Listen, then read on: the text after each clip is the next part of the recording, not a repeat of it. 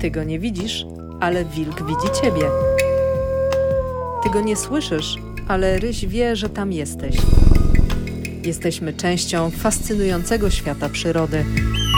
Otwórz oczy i uszy na naturę. Naturalnie z WWF. Agnieszka Welkowicz, zapraszam.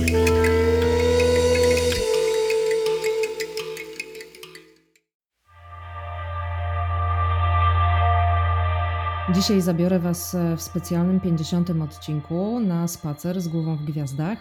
E, moim gościem jest Karol Wójcicki, to będzie bardzo trudne słowo, popularyzator, udało mi się, nauki, pasjonat zorzy i człowiek, który patrzy właściwie cały czas w gwiazdy. Cześć Karol. Cześć, dzień dobry. Mieliśmy do czynienia ostatnio w Polsce z e, wielką i spektakularną właściwie mm, malowniczą E, malowniczym pokazem zorzy polarnej. Czy to jest jakieś niezwykłe zjawisko, jeżeli chodzi o naszą szerokość geograficzną? Bo zawsze zorze kojarzyły się tak naprawdę nam z daleką północą, z Norwegią, z Finlandią. I to jest rzeczywiście ich naturalne środowisko, bo zorza polarna, no nie bez powodu nazywa się polarną, to w tych rejonach polarnych zwykle ją jesteśmy w stanie e, lepiej dostrzec.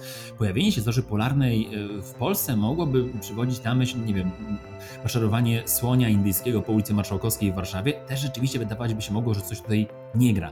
Ale e, rzeczywiście zdarza się co jakiś czas, że zorze polarne mają na tyle duży zasięg, że da się je zobaczyć nie tylko z dużych, ale też tych średnich szerokości geograficznych, również takich, na których my mieszkamy.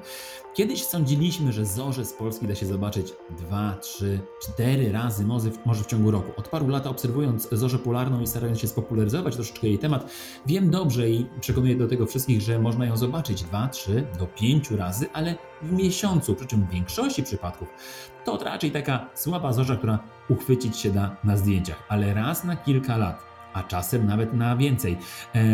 Zorze przybierają taką formę, że da się je zobaczyć nawet nieuzbrojonym okiem, bez większego doświadczenia.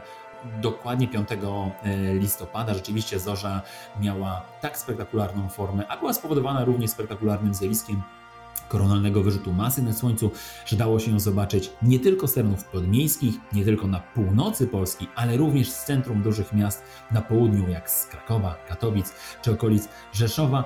Gdyby nie to, że nad Polską pogoda 5 listopada była jaka była, to zorze można by zobaczyć prawdopodobnie z każdego zakamarka naszego kraju, bo jeśli widzieli ją turyści w Kuźnicach pod samą stacją dolną kolejki na Kasprowy Wierch, to naprawdę dało się zobaczyć zewsząd. Ale nie tylko w Polsce była widziana, bo ja e, oglądałam zdjęcia, że zorza była notowana tak naprawdę w Chorwacji, w Słowenii, w Bułgarii, w Rumunii. Tak. I to jest też normalne, że tam można zorze e, Nie, zobaczyć. o ile w Polsce rzeczywiście to jest coś, co już jeszcze bym nazwał w miarę normalnym, ale rzeczywiście rzadkim zjawiskiem, no to w przypadku tamtych e, rejonów e, basenu Morza Śródziemnego to już mówimy o naprawdę ekstremalnie rzadkich przypadkach zorzy. No rzeczywiście zdjęcia, które widziałem z Dolomitów na przykład robiły niesamowite wrażenie, kiedy widziało się alpejskie szczyty, nad którymi tańczyła zorza polarna. To już jest coś wybitnie wyjątkowego, ale tak jak mówię, takie rzeczy się zdarzają, raz na kilka lat można coś takiego takiego e, zaobserwować. Słońce wchodzi teraz w okres maksimum swojej aktywności. To jest 11-letni cykl, który jest od górki do górki z dołkiem po drodze. Mm, ten dołek my mijaliśmy na przełomie lat 2019 i 2020 i to ciekawe, to było najgłębsze, najsłabsze minimum aktywności słonecznej w ogóle kiedykolwiek obserwowane, a obserwujemy i mierzymy to od mniej więcej 400 lat, bo z tamtego okresu pochodzą e, zapiski Galileusza, który jako pierwszy obserwował plamy słoneczne i udało nam się trochę wywnioskować, jaka ta aktywność wtedy była. No i wydawać się mogło, że, że tak słaba jak teraz nie była jeszcze nigdy, ale już się podnosi. I widać wyraźnie, że ten nowy cykl, w który weszliśmy, weszliśmy z przytupem i zorze e, no, pojawiają się i częściej, i są bardziej spektakularne. A to z pewnością cieszy tych, którzy na wyprawę na daleką północ z różnych powodów nie mogą sobie pozwolić. Czy te wyrzuty koronalne masy to oznacza, że to jest coś niezwykłego w życiu Słońca? Czy to oznacza, że to Słońce nam się zaczyna powoli kończyć? Mamy się czego obawiać? Nie, to jest jak najbardziej całkowicie zwyczajne e, zjawisko, jak, jak nasze oddychanie. Słońce też ma swoje takie, takie zdarzenia, gdzie na skutek różnych zdarzeń na powierzchni Słońca, e, aktywności dziejących się w, w skomplikowanym polu magnetycznym naszej gwiazdy, czasami dochodzi do takich wybuchów, które wyrzucają w przestrzeń kosmiczną e, wysokoenergetyczne cząstki, słoneczną plazmę i ona wędruje sobie potem przez Układ Słoneczny. To jest naturalna rzecz naszego, w naszym Układzie Słonecznym, tak jak to, że teraz spoglądając za, za okno widzimy płynące po niebie chmury. To jest coś zupełnie normalnego. Kiedy takie obłoki wysokoenergetycznych cząstek trafią na Ziemię, wchodzą w reakcję z naszą atmosferą właśnie w rejonach polarnych i my obserwujemy to właśnie jako świecenie górnych partii atmosfery, a nazywamy to zorzą polarną. Więc to jest jak najbardziej zwyczajne, ale rzeczywiście skala tych zdarzeń może być różna i wraz ze zbliżaniem się do maksimum aktywności słonecznej mamy takiego typu zdarzeń więcej, one są czasami też bardziej silne, to może być dla nas trochę kłopotliwe, bo poza tym, że daje nam to piękne zorze polarne, no to to jest tylko jedna strona medalu. Ta druga jest taka, że tego typu zdarzenia mogą być niebezpieczne dla niektórych obszarów naszego dzisiejszego świata. Bo świat oparty na elektronice jest podatny na tego typu zdarzenia. Przykładem jest to, co działo się chociażby na początku lat 90., gdy jedna z takich burz magnetycznych, burz słonecznych wpłynęła na przeciążenie sieci energetycznej w, w Stanach Zjednoczonych e, i powodowało to później blackout, wyłączenie prądu na ogromnym obszarze pogranicza amerykańsko-kanadyjskiego. To jest jedna tego typu sytuacja. Drugą jest to, że e, burze magnetyczne mogą mogą powodować puchnięcie górnych partii atmosfery, co wpływa na ruch satelitów na orbicie okołoziemskiej. Jeśli one poruszają się zbyt nisko, mogą natrafić na nagły, zwiększony opór aerodynamiczny, co doprowadzi do ich spadnięcia. I rzeczywiście e, dwa lata temu mieliśmy taki przykład, że Elon Musk wysłał nową porcję swoich nowych satelitów Starlink, które zanim weszły na prawidłową orbitę, napotkały taki opór wynikający z burzy magnetycznej i 40 z tych satelitów nagle spłonęło w atmosferze. Więc to się też może zdarzyć. A w świecie, w którym z technologii satelitarnych korzystamy praktycznie na każdym kroku, to może być niebezpieczne, dlatego istnieje dzisiaj, istnieją specjalne służby, które dostarczają nam tak zwanej pogody kosmicznej, prognozy pogody kosmicznej, która nas przed tego typu zdarzeniami potrafi ostrzec, a my wtedy jesteśmy w stanie odpowiednio zareagować, żeby i przesył energii elektrycznej, i dostęp do technologii satelitarnych był nieprzerwany. Jak się mierzy e, prędkość wiatru słonecznego? To dosyć trudne rzeczywiście. E, zajmują się tym satelity, które są umiejscowione w, w, w, konkretnym miejscu w przestrzeni kosmicznej, bo my z Ziemi możemy zaobserwować, że coś na Słońcu się wydarzyło. Wydarzyło się 150 milionów kilometrów od nas, a później ten wiatr słoneczny w naszą stronę wędruje i dopiero na milion kilometrów przed Ziemią. W jednym z tak zwanych punktów Lagrange'a znajdują się, znajduje się kilka satelitów, które są takimi trochę bojami pomiarowymi. Tam przez nie przelatują ten wiatr słoneczny, którego jest mierzona gęstość, prędkość, orientacja jego pola magnetycznego i ten satelita wysyła to wtedy z prędkością światła drogą radiową do Ziemi, więc ja na przykład mogę odpalić sobie specjalną aplikację, tam mam dostęp do tych wszystkich informacji z wyprzedzeniem mniej więcej 60-minutowym, w zależności od prędkości wiatru słonecznego, mogę się dowiedzieć, co w stronę Ziemi zmierza. Ci, którzy zajmują się elektroniką, którzy zajmują się e, radionawigacją, czy zajmują się, no właśnie, obsługą satelitów, korzystają z tego w swoim celu, a łowcy zórz polarnych są wtedy przygotowani do tego, żeby wyjść w teren i wiedzą, że zmierza coś, co może taką zorzę nam fajną zapewnić. Więc każdy z tych pomiarów satelitów wyciąga trochę co innego.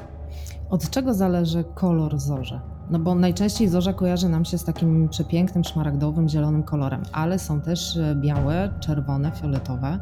Od czego to zależy? Kolory zorzy to jest, to jest emisja światła e, przez atomy gazu, które wzbudzają się w górnych partiach atmosfery. Wiadomo, powietrze jest mieszaniną różnych gazów i my rzeczywiście najczęściej obserwujemy kolor zielony, co jest emisją e, tlenu w naszej atmosferze. Natomiast rzeczywiście występują też inne kolory, takie jak czerwony, różowy czy fioletowy. Co ciekawe, w Polsce najczęściej możemy obserwować zorze w kolorze czerwonym, tak jak na przykład było 5, 5 listopada, kiedy południe Polski w ogóle miało niebo prawie do połowy sięgające, e, zalane taką czerwienią. Mm, natomiast gdybyśmy się przenieśli z południa Polski na północ, na nasze wybrzeże, to tam już mieszkańcy widzieli nawet taką zielonkawą zorzę. Wynika to z tego, że e, te różne warstwy mm, e, atmosfery świecą w trochę innych kolorach i rzeczywiście ten kolor zielony dominuje, a natomiast nad nim na wysokościach około 200 km do 300 zorze zapala się azotem na kolor właśnie czerwony, więc ci, którzy są bardzo daleko od zorzy, jak na przykład na południu Polski, no oni mogli obserwować tę czerwoną, najwyższą warstwę zorzy polarnej, czasami ewentualnie fioletową, ale przy dużej gęstości wiatru słonecznego te czerwienie są bardzo charakterystyczne, ale jak jesteśmy już na dalekiej północy, jesteśmy pod samą zorzą, nie obserwujemy jej nisko nad horyzontem, tylko musimy zadzierać do niej głowę wysoko do góry, to raczej dominują te, e, te zielenie. Najbardziej chyba spektakularnym kolorem zorzy polarnej i moim ulubionym, muszę się przyznać, jest kolor różowy. To azot, który zapala się na wysokości około 90 km nad powierzchnią Ziemi, więc to jest ta najniższa warstwa zorzy polarnej. E, no i ona rzeczywiście e, pojawia się wtedy, kiedy mamy do czynienia z taką najsilniejszą zorzą w danym momencie i ona wtedy jest też bardzo dynamiczna. Bo to, co musicie wiedzieć o zorzy polarnej, to to, że to nie jest statyczne zjawisko. Choć ono w Polsce mogło się wydawać takie dosyć spokojne, stabilne, że po prostu zapaliło się niebo, ale wiecie na dalekiej północy, ta zorza ma zupełnie inny charakter. Ona jest bardzo dynamiczna, ona bardzo tańczy wręcz po niebie. Hmm, trudno to nam sobie wyobrazić, bo nawet gdy spoglądamy za okno i widzimy zjawiska zachodzące na naszym niebie, one dzieją się raczej powoli. E, chmury sobie dostojnie płyną, spadające gwiazdy czasem szybko śmigną, ale, ale pojawiają się na ułamek sekundy. Zorza polarna to jednak coś o skali rozmiarowej chmur, ale o dynamice spadających gwiazd, niezwykle szybkie błyski, takie promienie światła pojawiające się w różnych kierunkach, które rzeczywiście da się zobaczyć, no właśnie tylko na dalekiej północy, kiedy jesteśmy bardzo blisko tego zjawiska i wśród nich ten kolor różowy jak się pojawi, to wtedy show jest nieprawdopodobny, bo wygląda to trochę tak, jakby mieć takie różowe fajerwerki nad swoimi głowami i na ten kolor różowy ja zawsze najbardziej czekam. Mhm. A od czego zależy te, ten taniec zorze? Mm, ruch zorzy jest wynikiem przedzierania się przez górne partie atmosfery wysokoenergetycznych cząstek ze Słońca, które poruszają się wzdłuż dosyć skomplikowanych linii pola magnetycznego, e, które, które zmierzają do bieguna i te cząstki przedzierając się przez atmosferę uaktywniają e, gaz świecący e, wtedy różnymi kolorami. W zależności od tego, w którą stronę te cząstki będą leciały, te zorze zapalają się w różnych kierunkach. To czasami jest lekka poświata nad horyzontem, a czasami takie smugi rozlewające się po całym niebie. Im bardziej dynamiczny ten, ten deszcz cząstek e, ze Słońca, tym bardziej spektakularna odpowiedź naszej atmosfery i w efekcie ten taniec kolorowych świateł. Mhm. Kiedy pierwszy raz zobaczyłeś w swoim życiu zorze? To było prawie dokładnie 10 lat temu, bo to był grudzień 2013 roku. Ja pamiętam, że pojechałem wtedy do, do Tromsø w północnej Norwegii. Mm, w celach trochę zawodowych e, miałem pojechać e, zobaczyć, jak pracuje lokalne planetarium, e, ale pojechałem tam celowo, właśnie między innymi licząc na to, że taką zorzę się uda zobaczyć. Pamiętam dobrze, że ten widok zorzy polarnej na początku był trochę rozczarowujący, bo ja nie trafiłem na jakąś fajną zorzę polarną, tylko taką dosyć stabilną, spokojną, spokojną, zieloną smugę, która czasem tam się lekko poruszała, ale nie było to nic bardzo szalonego. Natomiast niecałe dwa lata później pojawiłem się w tym samym miejscu jeszcze raz i wtedy trafiłem na naprawdę niesamowity e, taniec zorzy polarnej. Ja od tamtej pory no, w zasadzie jestem na dalekiej północy nawet nie dość, że co roku, bo od kilku lat, chyba już pięciu, sześciu, to jest tak, że ja dwa miesiące w roku spędzam jednak za kołem podbiegunowym na zorze poluję. E, no i rzeczywiście od tego widoku się uzależniłem. Ten, ten, te też wiedza moja o zorzach polarnych przez te ostatnie 10 lat bardzo się zmieniła. Zresztą też dając zupełnie inne spojrzenie na to zjawisko tutaj u nas w Polsce, bo no, nawiązując trochę do tej analogii e, słonia, o którym mówiliśmy sobie na początku, to jest trochę tak, że my o słoniach to możemy wiedzieć tyle, co się nauczymy o nich w zoo. No, wiemy, że ma trąbę, ma duże uszy i że z reguły jest szary. Natomiast gdybyśmy zapytali kogoś, kto żyje w Indiach albo w Afryce i słonie widuje na, na bieżąco, to pewnie o tych słoniach mógłby opowiedzieć nam dużo, dużo więcej o ich zwyczajach i ich zachowaniach. Gdy ja zacząłem podróżować na daleką północ, to nagle zacząłem rozumieć, że to zjawisko zachowuje się zupełnie inaczej niż my w Polsce, obserwując te szczątkowe zorze polarne. Bardzo rzadko mogliśmy przypuszczać. I też między innymi zrozumiałem, że z tym zjawiskiem możemy mieć dużo częściej do czynienia niż nam się wcześniej e, wydawało. Ta, ta wiedza dzisiaj wśród polskich mięsiłów astronomii wydaje się być już w miarę e, powszechna, ale wciąż jest też ta grupa ludzi, którzy no, o, o zorzy wiedzą tyle, co raz może widzieli na, na zdjęciach, więc tutaj też jest cały czas pole do, do informowania i e, popularyzowania tego tematu w naszym kraju. Staram się to robić oczywiście w oparciu o te zorze, które się tutaj trafiają, ale, ale mając też ten przywilej, że bardzo często bywam w Arktyce e, każdej zimy, e, to pokazuję też te zorze podczas na przykład transmisji na żywo, czy relacji fotograficznych, tak żeby z tym widokiem trochę oswajać, a jednocześnie zachęcać do tego, żeby zobaczyć go na własne oczy. Bo tak jak powtarzam zawsze, nawet ta najlepsza zorza polarna widoczna z Polski nijak ma się nawet do tych najsłabszych widocznych z dalekiej północy. Jak można ekologicznie podglądać przyrodę? Bo my zazwyczaj, jeżeli mówimy o obserwacji przyrody, myślimy sobie, mm, dobra, wyjdę do lasu, popatrzę sobie w prawo, w lewo, przed siebie, za siebie, spojrzę pod nogi, a tymczasem nad głowami dzieją się równie fascynujące rzeczy. Niebo rzeczywiście nam daje w zasadzie jakby przestrzeń no, dwa razy większą do, do, do, do, do podziwiania przyrody, bo my zwykle skupiamy się na tym, co mamy wokół nas, e, na, na, na Ziemi. Natomiast nad nami dzieje się każdej nocy jakby drugi równoległy świat, no wszechświat nawet można by tak to powiedzieć. I tam jest całe mnóstwo rzeczy, więc jak się komuś już za mało podziwiania tego, co na Ziemi, a tu rzeczywiście tych niesamowitości nie brakuje, to może rzeczywiście zadrzeć głowę do góry i popatrzeć, co tam się skrywa, a tam są naprawdę niezwykłe i zjawiska, i całe światy do eksplorowania. Niebo można podziwiać na bardzo wiele różnych sposobów. Można zacząć od bardzo prostych rzeczy. Otworzyć okno, wyjść na taras, na balkon, wyjść do ogrodu, pójść na pobliską polanę w parku, albo później, dalej komplikować sobie, wyjechać gdzieś za miasto, na podmiejską łąkę, albo później docelowo już pojechać w najciemniejsze miejsca e, w zakamarki bieszczackie, gdzie można podziwiać takie niebo, z jakim nie mamy do czynienia absolutnie nigdzie indziej to, co definiuje nam jakość niebo, to przede wszystkim jego ciemność. E, my dzisiaj niestety na skutek rozwoju cywilizacyjnego zaczęliśmy emitować bardzo wiele różnych świateł, które chcąc nie chcąc no, odbierają nam ciemność nocy. A ta ciemność nocy jest czymś, co towarzyszyło nam z kolei od początku naszych no, no dziejów, od początku cywilizacji. My dojrzewaliśmy jako też cywilizacja pod ciemnym niebem i zaledwie od około 100 lat to ciemność nieba tracimy na własne życzenie.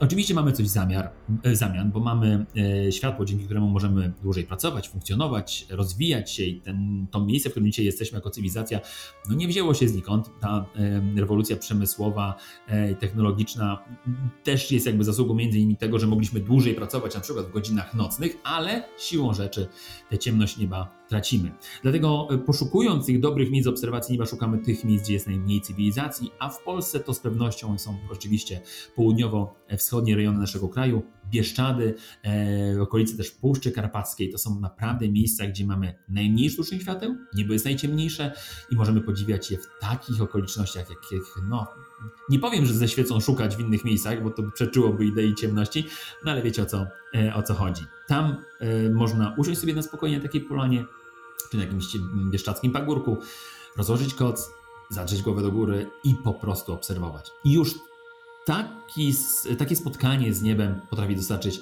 całe mnóstwo atrakcji i takich zupełnie nowych doznań, z którymi pewnie wielu z nas wcześniej nie miało do czynienia, a to otwiera tak naprawdę drogę do dowiedzenia się, co widzieliśmy, e, czym to było mm, i poszukiwania potem różnych odpowiedzi, które mogą nas pchnąć w stronę tej astronomicznej pasji. Oprócz zorzy polarnej, e, co jest dla Ciebie takie w kosmosie najbardziej fascynujące?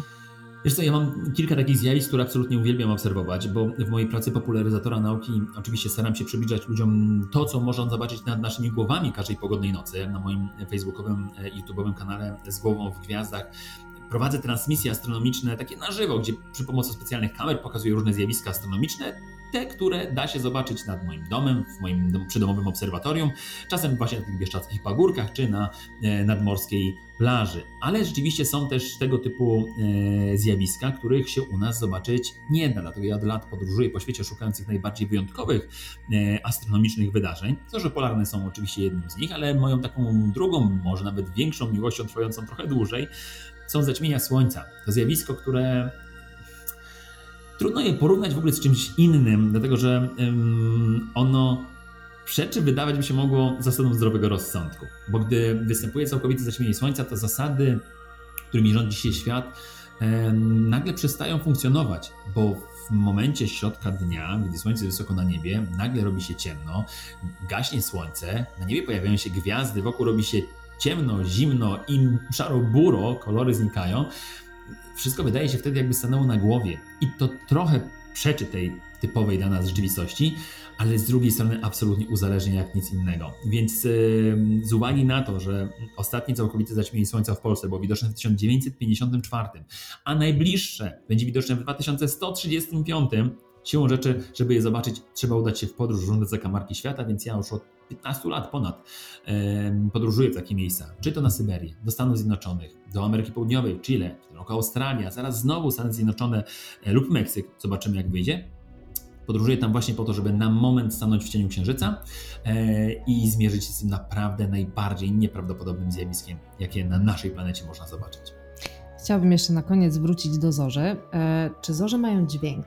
Czy one wydają jakieś dźwięki? Z reguły nie. Rzeczywiście jest tak, i co zresztą jest jedną z moich największych życiowych frustracji, że zjawiska astronomiczne w przeważającej większości, może poza jednym e, zjawiskiem, nie wydają żadnych dźwięków. To jest strasznie kłopotliwe, bo e, czasami chciałoby się rzeczywiście, na przykład obserwując zaćmienie Słońca albo zorzę polarną, usłyszeć to zjawisko, bo to trochę tak jak z wjeżdżającym pociągiem na stację. Gdybyśmy ich nie słyszeli, to mogłoby być trochę kłopotliwe. A tak słyszymy narastający dźwięk jakiegoś parowozu czy, czy pociągu składu, który wjeżdża na, na, na peron. Słyszymy, że on się staje coraz głośniejszy i jest coraz bliżej nas. Wtedy trzeba uważać. Zaćmienie Słońca, kiedy zbliża się do fazy maksymalnej, chciałbym, żeby wydawał jakiś dźwięk, ale niestety ja muszę bardzo pilnować czasu, żeby wiedzieć, kiedy on się zacznie, kiedy będzie jego maksimum, kiedy się skończy. Ja sobie ten hałas sam trochę zapewniam, e, robiąc specjalne zegary, które pikają mi, tak żebym nie musiał patrzeć na zegarek i tracić cennych sekund na to, żeby zlokalizować się w czasie, e, tylko wiedzieć, ile zostało do końca. Tak samo chciałbym, żeby było w przypadku zorzy, ale tak już niestety nie jest. Zorza jest cicha, nie wydaje żadnych dźwięków, chociaż istnieją relacje niektórych obserwatorów, które twierdzą, że w niektórych ekstremalnie rzadkich przypadkach zorze da się usłyszeć. Są takie relacje, e, które mówią o pewnych trzaskach, przypominających takie elektryczne trzaski dobiegające z wysokości kilkunastu, kilkudziesięciu metrów nad powierzchnią Ziemi, które o których obserwatorzy donoszą z, w takich sytuacjach, mm, które są bardzo szczególne. Musi być bardzo niska temperatura, bardzo silny mróz na poziomie minus 30, 35, nawet minus 40 stopni Celsjusza. Do tego nie może być ani odrobiny wiatru, musi być bardzo spokojna atmosfera, żeby była kompletna cisza. Rzeczywiście żadne inne dźwięki nie mogą się w okolicy roznosić, bo jest to tak cicha rzecz. Te relacje są dosyć zbieżne, co jakiś czas się pojawiają, ale nie ma żadnych badań naukowych i żadnych takich naukowych obserwacji tego zjawiska, które pozwoliłyby je potwierdzić, więc ono wciąż pozostaje w jakiejś domenie takiej pewnej legendy.